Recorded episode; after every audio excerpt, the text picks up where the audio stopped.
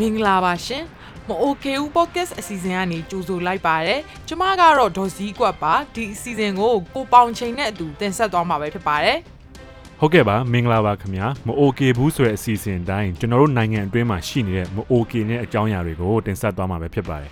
ကဲဒေါ်စည်းကွက်ရေဒီတစ်ပတ်မှာရောဘာတွေမအိုကေဘူးဖြစ်နေလဲခင်ဗျာ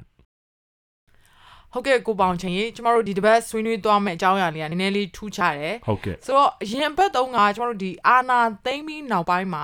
အာလိန်ပိုင်းဆိုင်ရာအကြမ်းဖက်ခံရတဲ့ပေါ့နော်သူတွေအကြောင်းကိုကျမတို့ဆွေးနွေးခဲ့ကြတယ်ဆိုတော့အဲ့ဒီလိုဟိုကျူးလွန်ခံရတဲ့သူတွေကိုကူညီပေးနေတဲ့ဥပဒေထောက်ကူပြုသူတွေအကြောင်းကိုလည်းထည့်ပြီးဆွေးနွေးခဲ့တယ်ပေါ့နော်ဟုတ်တယ်ဆိုတော့ဒီတစ်ပတ်မှာတော့အဲ့လိုအကူအညီပေးနေတဲ့အဖွဲ့အစည်းတွေဥပဒေထောက်ကူပြုသူတွေနဲ့ဘလို့အခက်အခဲတွေစိန်ခေါ်မှုတွေနဲ့ရင်ဆိုင်နေရလဲဆိုတာကိုဆွေးနွေးသွားမှာပဲဖြစ်ပါတယ်ဟုတ်ကဲ့ကျွန်တော်တို့သူတို့အခက်အခဲအကြောင်းမပြောခင်မှာဒီဥပဒေထောက်ကူပြုသူတွေဆိုတာဘယ်သူတွေလဲဆိုတဲ့နည်းနည်းကျွန်တော်တို့ပြပြတင်နေတယ်နော်ဒါပေါ့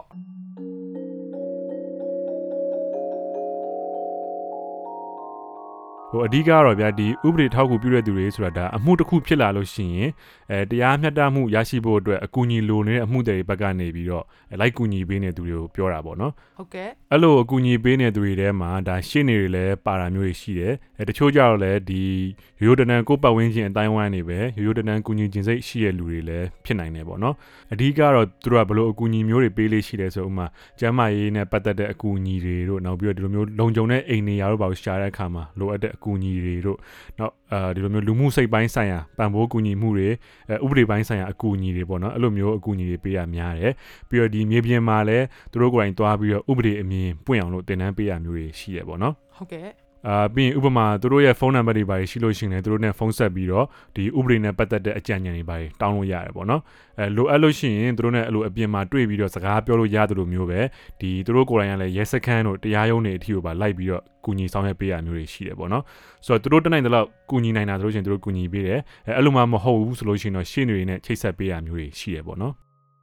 ဟုတ်ကဲ့မှန်ပါတယ်ကိုပေါင်ချင်းကြီးဒါပေမဲ့ကျမတို့ဒီအာနာသိမ့်ပြီးနောက်ပိုင်းကနေစပြီးတော့ဗောနော်တရားစီရင်ရေးစနစ်မှာကသူတို့တွေမှာလက်ရှိကြုံနေရတဲ့အခက်အခဲတွေစိန်ခေါ်မှုတွေကတော်တော်များများဖြစ်လာတယ်လို့တွေ့ရတယ်အာနာသိမ့်ပြီးနောက်ပိုင်းဒီ2022ခုနှစ်ပေါ့နော်မတ်လ9ရက်နေ့ကနေစပြီးတော့စစ်ကောင်စီကဒီမြန်မာနိုင်ငံရဲတပ်ဖွဲ့ဥပဒေကိုအသစ်ပြဋ္ဌာန်းလိုက်တယ် ဆိုတော့အဲ့ဒီမှာဆိုလို့ရှိရင်နိုင်ငံတော်လုံခြုံရေးနဲ့ကာကွယ်ရေးလုပ်ငန်းတွေကိုပါရဲတွေကပါဝင်ဆောင်ရွက်ရမယ်လို့ရေးသားထားတယ်ပေါ့နော်ဟောအလုပ်ပိုများသွားတာပေါ့ ဟုတ်တယ်အလုပ်ပုံများသွားတယ်လို့ပြောလို့ရတယ်သူတို့ဒီမူရင်းလောက်ရမဲ့လုပ်ငန်းစဉ်တွေအေးဖြစ်တဲ့ဒီရက်ရွာဒီငင်အေဂျင့်ရေးတို့တရားဥပဒေစိုးမိုးရေးအပြင်ပေါ့နော်ဒီစစ်တပ်ရဲ့လုပ်ငန်းတွေဖြစ်တဲ့နိုင်ငံတော်ကာကွယ်ရေးနဲ့လုံခြုံရေးကိုပါဝိုင်းလုပ်ပေးရမယ်ပုံစံမျိုးတွေဖြစ်သွားတာပေါ့ဟုတ်အဲ့ဒါကြောင့်မလို့ဒီရဲတွေကအမှုဖွင့်တာတွေပါတယ်ဆိုတိတ်ပြီးအာယုံမဆိုင်နိုင်တော့ဘူးဆိုတော့ဒီလိုအခြေအနေတွေကိုကျွန်မဒီတရားလို့တော့ရှင်းနေတယောက်နဲ့စကားပြောဖြစ်တော့ကသူဘယ်လိုပြောပြထားလဲဆိုတာကိုနားထောင်ကြည့်လိုက်ရအောင်ရှင့်ဟုတ်အားထောင်ကြည့်မယ်နော်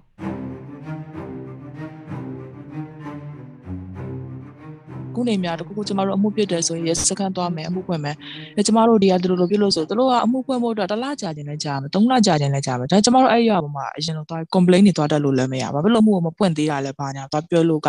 ရမနေတော့လည်းအနေထားလိုမျိုးဖြစ်နေတာပေါ့နော်ဘာဖြစ်လို့လဲဆိုတော့သူတို့ကအာသူတို့မှဒီလက်ရှိမှာ905နဲ့ပတ်သက်တာတွေလောကရှိနေလို့ဒါတွေကတော့အဓိကဖြစ်နေလို့ဒါတွေကအခုလောဆယ်ဒီကိစ္စတွေကဖွင့်လို့မရသေးဘူးဘာညာပြန်ပြောရင်ကျမတို့လည်းပြောရတော်တော်ခတ်သွားတဲ့အနေထားပိုင်းကြီးရှိသွားတယ် ဘာလို့လဲဆိုတော့သူတို့ကိုယ်တိုင်ကရဲဥပဒေမှာကိုပြင်လိုက်တဲ့အရာတွေမှာသူတို့ကအများအခြားရဲတာဝန်တစ်ခုတည်းမဟုတ်ဘဲနဲ့တခြားအရာတွေမှာအများကြီးပါလာတဲ့ကြောင့်မလို့သူတို့ဘက်ကလည်းဒါ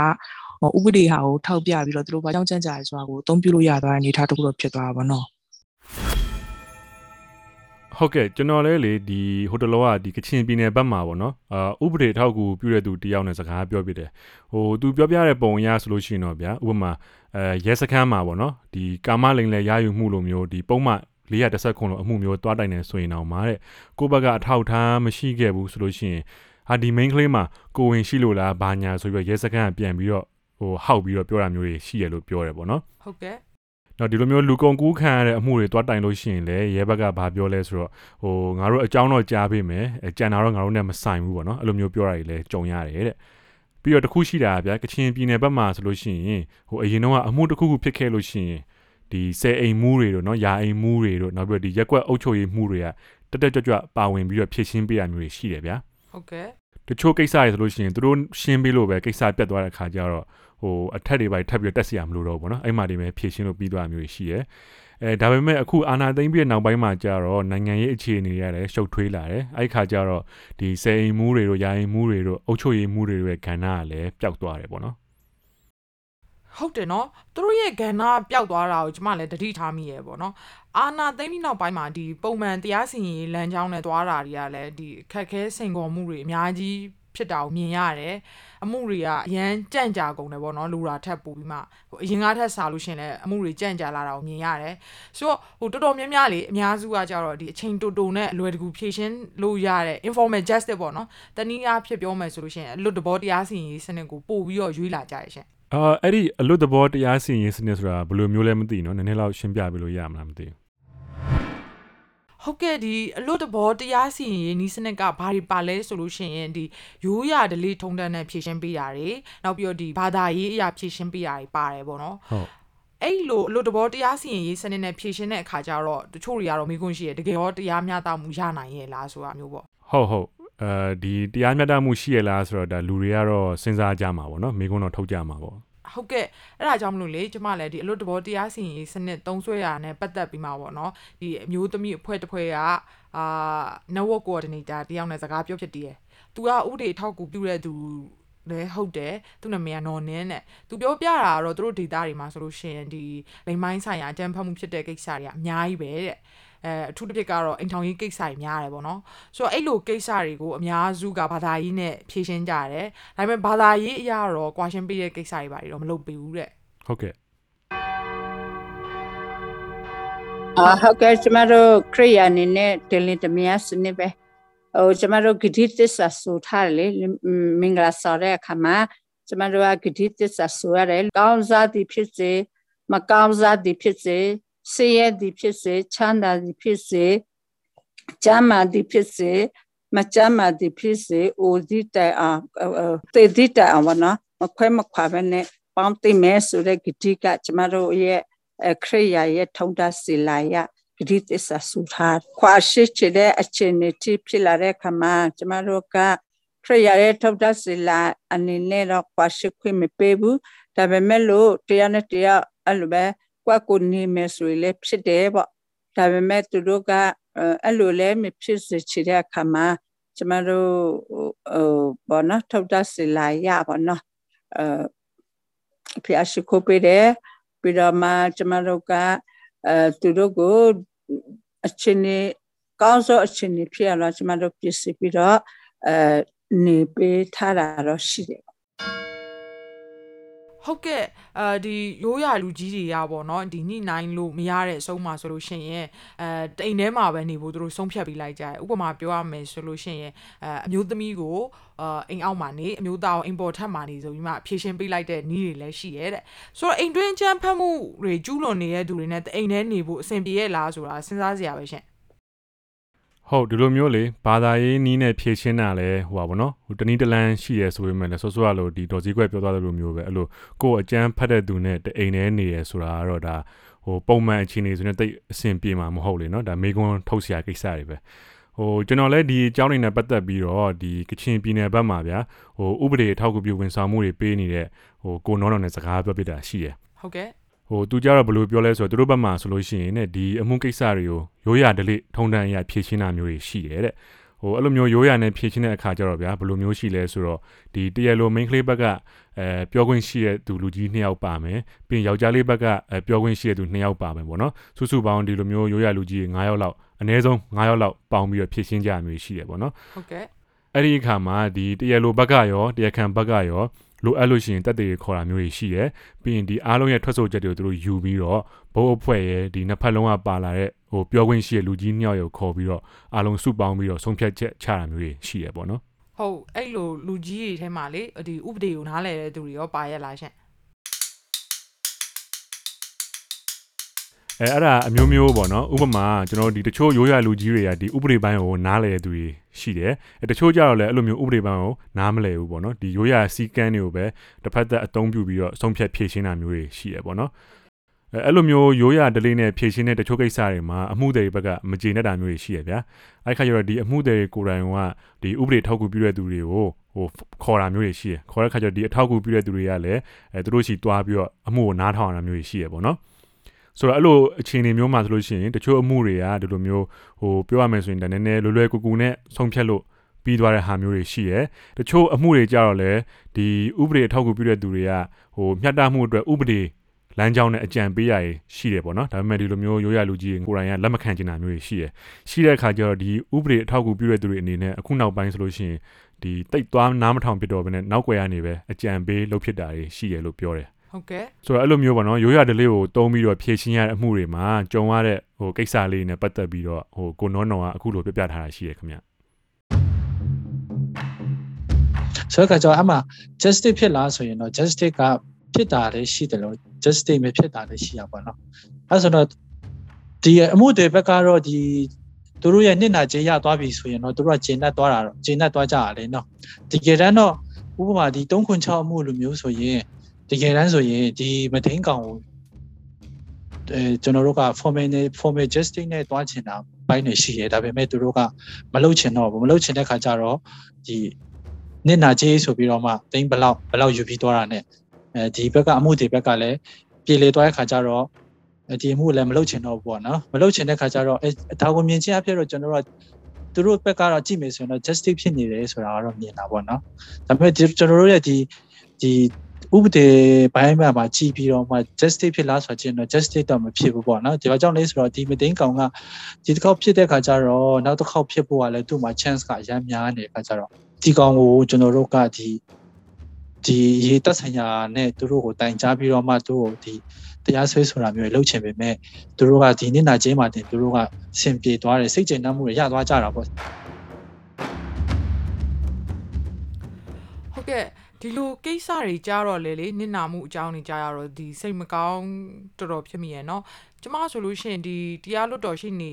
တူးနဲ့စကားပြောကြည့်တော့ကသူရှင်းပြတာကကြတော့ကျမတို့ဒီအမွေခွဲတဲ့ကိစ္စတွေနောက်ပြီးတော့လင်မယားကွာရှင်းတဲ့အမှုလိုမျိုးပေါ့နော်ဆိုတော့တရမမှုတွေအတွက်ကတော့ဒီလိုမျိုးဟိုလွယ်လွယ်ကူကူမြန်မြန်လေးဖြည့်ရှင်းလို့အဆင်ပြေနိုင်ပေမဲ့တဲ့ရာဇဝတ်မှုတွေအတွက်ကကြတော့တရားမျှတမှုရဖို့အတွက်ဆိုလို့ရှိရင်တရားဥပဒေနဲ့ပဲဖြည့်ရှင်းဖို့လိုတယ်တဲ့ဟုတ်တရားဥပဒေနဲ့ဖြည့်ရှင်းဖို့လိုတယ်ဆိုပေမဲ့လည်းဟိုအခုလက်တလောအခြေအနေရတော့အားလုံးကဟိုအစဉ်ပြေတို့ပဲဖြည့်ရှင်းနေကြတာများမယ်နဲ့တူတယ်နော် ဟုတ်တယ်အားလုံးကလက်တလုံးမှာအဆင်ပြေတယ်လို့ဖြည့်ရှင်းနေကြတယ်ပေါ့နော်ဒါပေမဲ့ဒီဥပဒေထောက်ကူပြုကူညီပေးနေတဲ့သူတွေကတော့ဒီတက်နိုင်တဲ့လောက်တရားမျှတမှုရရှိဖို့ကိုသူတို့ကူညီပေးနေကြတယ်ဟို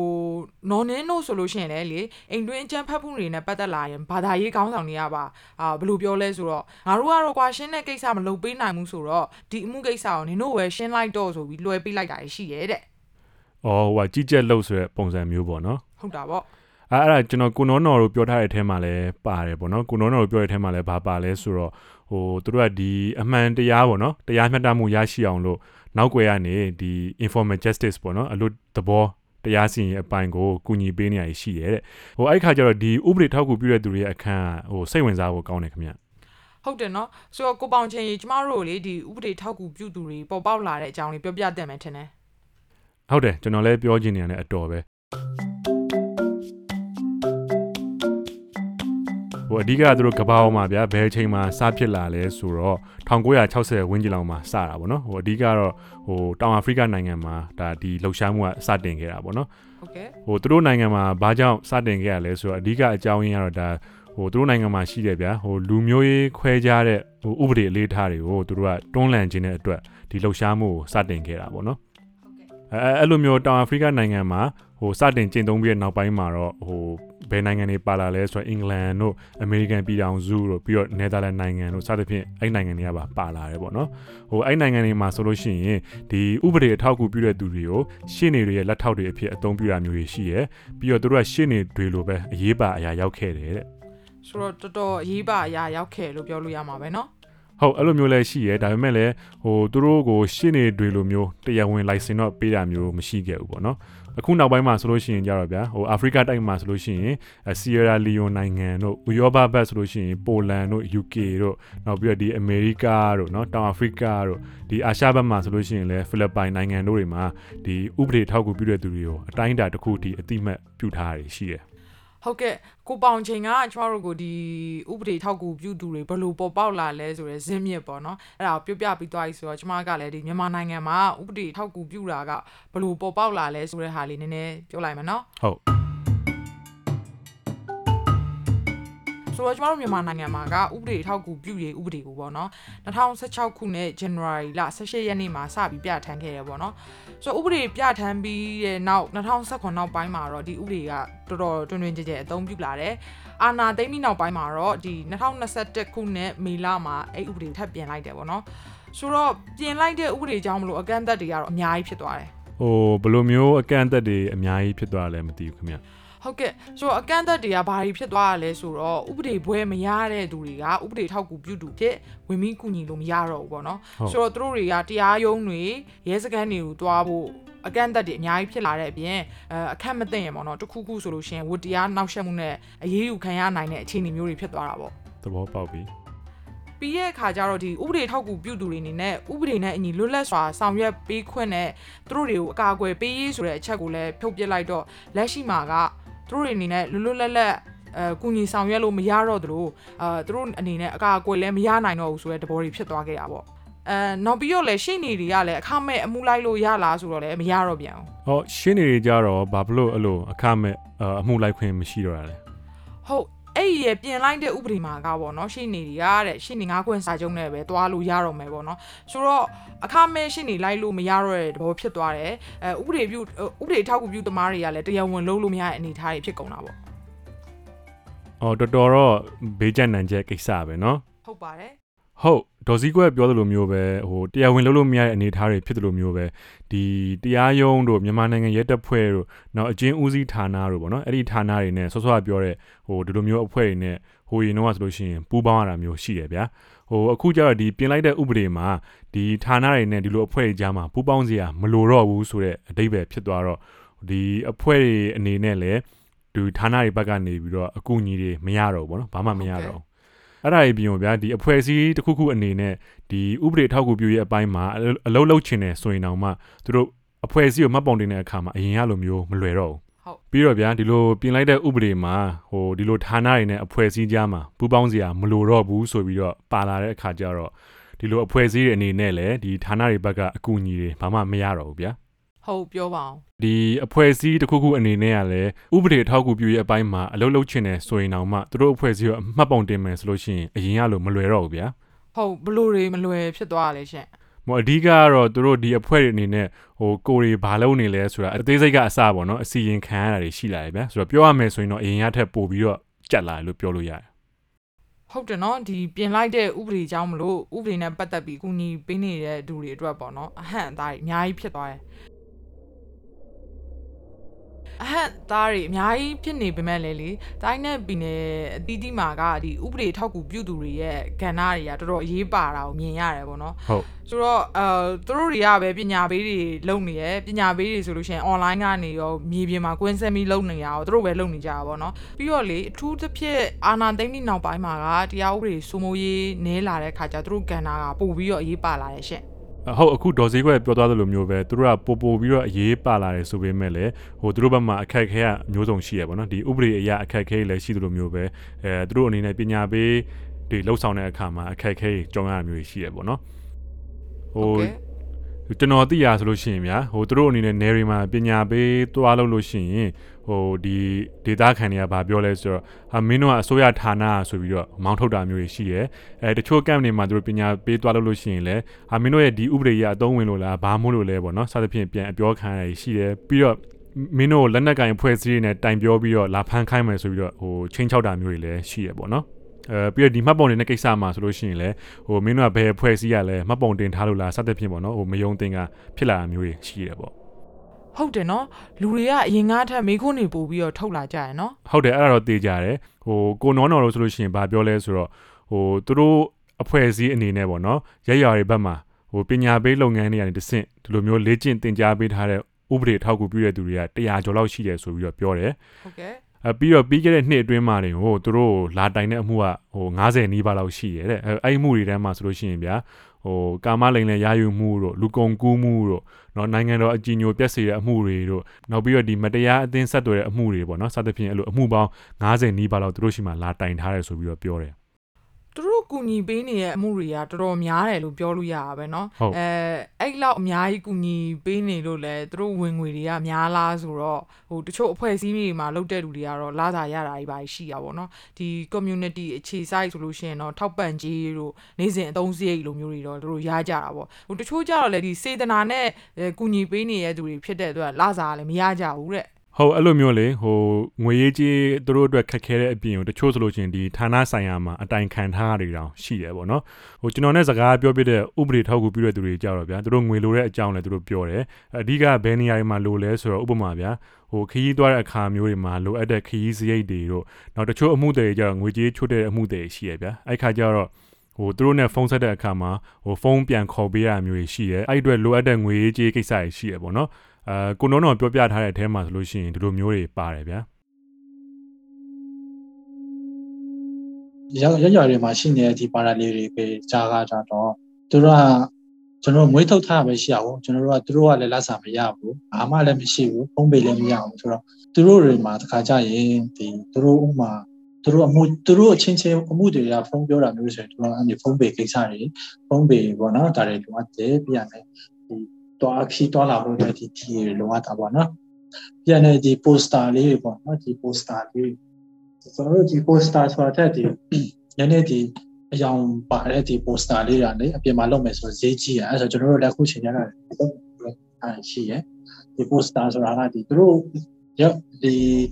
ဈေးချင်းလက် data တွေမှာကတော့တကယ်ရှုံးတရုပ်ပြ projector နေနဲ့မရဘူးဆိုတဲ့အခါကျတော့ဒီတရုပ်ပြတဲ့ဒီအယောင် color တွေနဲ့ poster ကြီးကြီးတွေနဲ့ရှင်းပြမှတဲ့ဘုကနားတယ်အခါကျတော့ဒါတွေကတော့လုံအပ်တာပေါ့နော်။ပြန်တဲ့သူတို့တွေကိုဝေမဲ့ဝေစားတယ် booklet တွေ pamphlet တွေပေါ့နော် pamphlet ကလည်းလုံရတာဈေးနေပြီမဲ့ booklet ကတော့အရန်ကိုဟောဖြစ်တာပေါ့နော်ဈေးများတဲ့အခါကျတော့ဒီຢာတွေမှာပေါ့နော်ကိုကထိထိရောက်ရောက်လုပ်ချင်တယ်ဒါပေမဲ့ဒီကိစ္စဒီလိုလုပ်ရင်တော့ကို့မှာတော့ idea ရှိပြီမဲ့ ဒီဒီငွေရေးချင်းမလုံလောက်တဲ့အပေါ်မှာဒါရောရှိရပါတော့အထူးကတော့ငွေရေးချင်းလို့ပဲပြောလိုက်ပါဟုတ်တယ်နော်ဟိုကျမနဲ့စကားပြောဖြစ်တဲ့နော်နင်းကလည်းဒီငွေကြေးနဲ့ပတ်သက်တဲ့အခက်အခဲအကြောင်းကိုပဲပြောပြထားရဲပေါ့နော်သူတို့ဖက်မှာဆိုလို့ရှိရင်ကားလမ်းမပေါက်ဘူးဆိုလို့ရှိရင်စိုက်ကယ်နဲ့သွားရတာပေါ့အဲဆိုကိုယ့်အိတ်ထဲကကိုယ်စိုက်ပြီးသွားရတဲ့အခြေအနေတွေရှိရဲဒီလိုအခက်အခဲတွေကြားရရပဲပေါ့နော်ဥပဒေထောက်ကူပြုတဲ့သူတွေကဒီအကူအညီလိုတဲ့သူတွေကိုသူတို့သိရဲ့ပညာတွေနဲ့ဒီတက်ဆန်းတလောက်ဒါကူညီပေးနေကြတော့မယ် ဟုတ်တယ်အဲ့လိုမျိုးကူညီပေးတဲ့သူတွေလည်းအခုထိရှိနေတော့ပဲနောက်ဒီကချင်ပြည်နယ်ဘက်ကကိုနောနော်တို့ဆိုလို့ရှိရင်သူတို့ဗာပြောလဲဆိုတော့ဟိုတခါတလေသူတို့ကဗျာဌာနဆိုင်ရာတွေနဲ့ဆက်သွယ်ရတဲ့ကိစ္စတွေရှိရပေါ့နော်အဲ့ခါမှာဖြည့်ရှင်းဖို့ခက်ခဲလာလို့ရှိရင်အားငယ်တာမျိုးတွေလည်းရှိတယ်တဲ့အဲဒါပေမဲ့လည်းတစ်ဖက်မှာကြတော့ဗျာသူတို့အနေနဲ့အဲ့လိုစစ်ဘေးရှောင်စခန်းတို့ဘာလို့မှသူတို့ကပညာပေးတွေပါတွားလို့လို့ရှိရင်တဲ့အဲ့ဒီစခန်းတွေမှာဟိုကြားမရေးရလိန်ကျန်းဖတ်မှုကိစ္စတွေကပို့ပြီးညော့နေသွားတာရှိတယ်ပေါ့နော်ဟုတ်ကဲ့ ဆိုတော့အဲ့ခါကျတော့လေသူတို့တခြားစခန်းနေရပါဟိုခေါ်ပြီးတော့ငါတို့ရှိလဲလာပါပညာပေးတွေလုပ်ပါစသဖြင့်ခေါ်တာမျိုးတွေဖိတ်ခေါ်တာမျိုးတွေရှိတယ်ပေါ့နော်ဆိုတော့အဲ့လိုမျိုးကြတော့လေသူတို့ကဒါပီတိစားပြီးအားရှိရဆိုပြီးတော့ပြပြထားတာရှိတယ်ခင်ဗျဟုတ်ကဲ့ဟိုဒီလိုအခြေအနေတွေကြောက်မယ်ပေါ့နော်သူတို့တွေကငွေကြေးထောက်ပံ့မှုမရတာတောင်မှလာအကူအညီတောင်းနေတဲ့သူတွေကိုကူညီပေးနေတယ်လို့ပြောပြထားပါတယ်ဟုတ်ကဲ့ဒီလိုမျိုးကူညီပေးနေတဲ့သူတွေရှိသေးတယ်ဆိုတော့ဒါအားတက်စရာကိစ္စတစ်ခုပါပဲ ကဲဟုတ်ကဲ့ပါဒါကတော့ကျွန်တော်တို့ဒီအာနာသိမ့်ပြည့်အချိန်မှာအကူအညီလိုနေတဲ့အမှုတွေတွေကိုအကူအညီပေးနေတဲ့ဥပဒေထောက်ကူပြုသူတွေရဲ့အရေးပါမှုကဏ္ဍတွေပြီးတော့သူတို့ကြုံနေရတဲ့အခက်အခဲတွေစိန်ခေါ်မှုတွေကိုကျွန်တော်တို့ဆွေးနွေးတင်ဆက်သွားတာဖြစ်ပါတယ်